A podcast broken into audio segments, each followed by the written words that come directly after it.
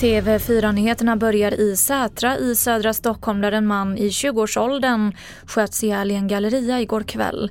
Enligt polisen ska många ha befunnit sig i gallerian men ingen annan ska ha kommit till skada. Ingen har gripits men flera personer ska ha tagits in på förhör. Och händelsen utreds som mord.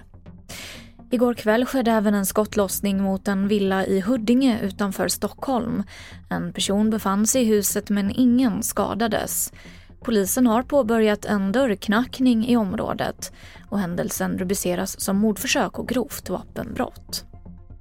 Idag börjar rättegången mot en 16-årig pojke som avlossade flera skott inne på köpcentrumet Emporia i Malmö i augusti förra året. En 31-årig man träffades med flera skott och avled. Mannen var känd av polisen sedan tidigare och har pekats ut som en ledande person i Malmös undre värld.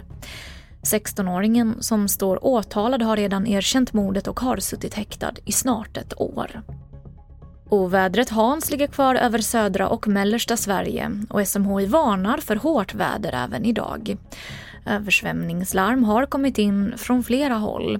I år uppmanas allmänheten att hålla sig inne nu under morgonen.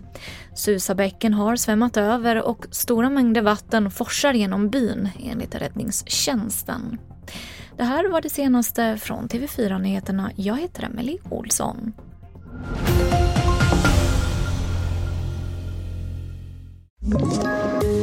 Poddtips från Podplay. I fallen jag aldrig glömmer djupdyker Hasse Aro i arbetet bakom några av Sveriges mest uppseendeväckande brottsutredningar går vi in med hemlig telefonavlyssning och, och då upplever vi att vi får en total förändring av hans beteende. Vad är det som händer nu? Vem är det som läcker? Och så säger han att jag är kriminell, jag har varit kriminell i hela mitt liv men att mörda ett barn, där går min gräns. Nya säsongen av Fallen jag aldrig glömmer på Podplay.